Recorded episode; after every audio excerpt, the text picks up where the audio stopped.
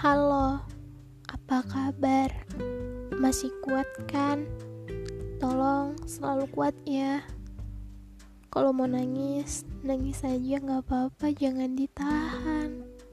Soalnya aku melihat kamu di masa depan seperti ekspektasimu sekarang ini. Tolong, jangan nyerah dulu. Please.